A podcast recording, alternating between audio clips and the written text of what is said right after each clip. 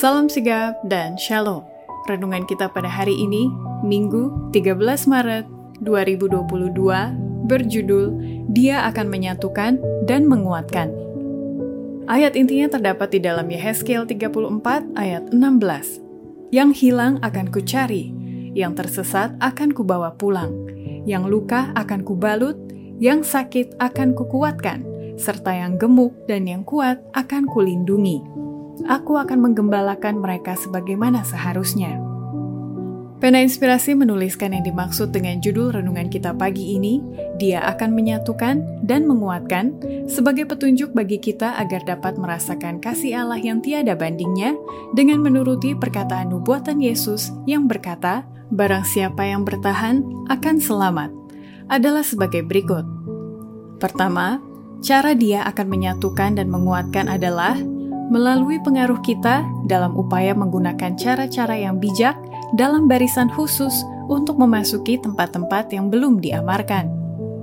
Tampaknya sangat jarang ada orang yang berani untuk meminta seorang pekerja untuk masuk ke perkotaan, karena kelengkapan yang dibutuhkan untuk menjalankan sebuah pekerjaan yang kuat dan mendalam. Memang benar bahwa banyak alat-alat yang dibutuhkan untuk dapat melakukan tugas kita memasuki tempat-tempat yang belum diamarkan dan Tuhan menginginkan kita untuk menguatkan suara dan pengaruh kita dalam upaya menggunakan cara-cara dengan bijak dalam barisan khusus. Kedua, cara Dia akan menyatukan dan menguatkan adalah orang yang sudah mengetahui kebenaran harus saling menguatkan satu dengan yang lain dan menjadi saksi bagi Allah. Dan mereka juga haruslah membawa kepadanya jiwa-jiwa sebagai hadiah-hadiah persembahan yang hidup kepadanya.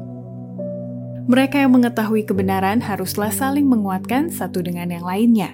Katakan kepada para pendeta, Pergilah ke ladang-ladang yang telah siap dituai di dalam nama Tuhan, dan doa kami akan pergi bersamamu bagaikan sabit-sabit yang tajam.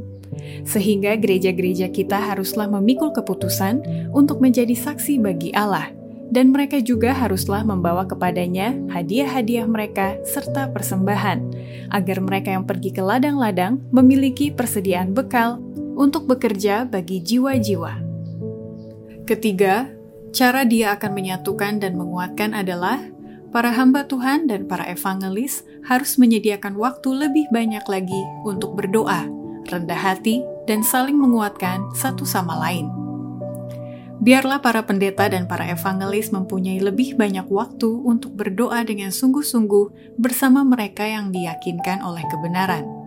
Ingatlah bahwa Kristus senantiasa bersama kamu. Tuhan senantiasa siap untuk mempertunjukkan kasih karunia-Nya, untuk menguatkan dan mendorong pekerja yang sungguh-sungguh dan merendahkan dirinya. Keempat, cara Dia akan menyatukan dan menguatkan adalah melalui gerejanya untuk mereka mau membawa cap meterai Allah dengan sepenuh hati dan untuk menegur kesalahan-kesalahan orang-orang yang bermitra di luar ajaran yang Tuhan kehendaki. Allah sedang mengajar gerejanya, menegur kesalahan-kesalahan mereka, dan menguatkan iman mereka, atau sama sekali tidak. Allah tidak melakukan apa pun bermitra dengan setan. Pekerjaan saya membawa cap Allah atau cap musuh. Tidak ada setengah-setengah dalam masalah ini kesaksian datangnya dari roh Allah atau dari si iblis. Kelima, cara dia akan menyatukan dan menguatkan adalah agar pengikutnya bisa memahami orang lain dengan menunjukkan kesopanan yang benar secara menyeluruh.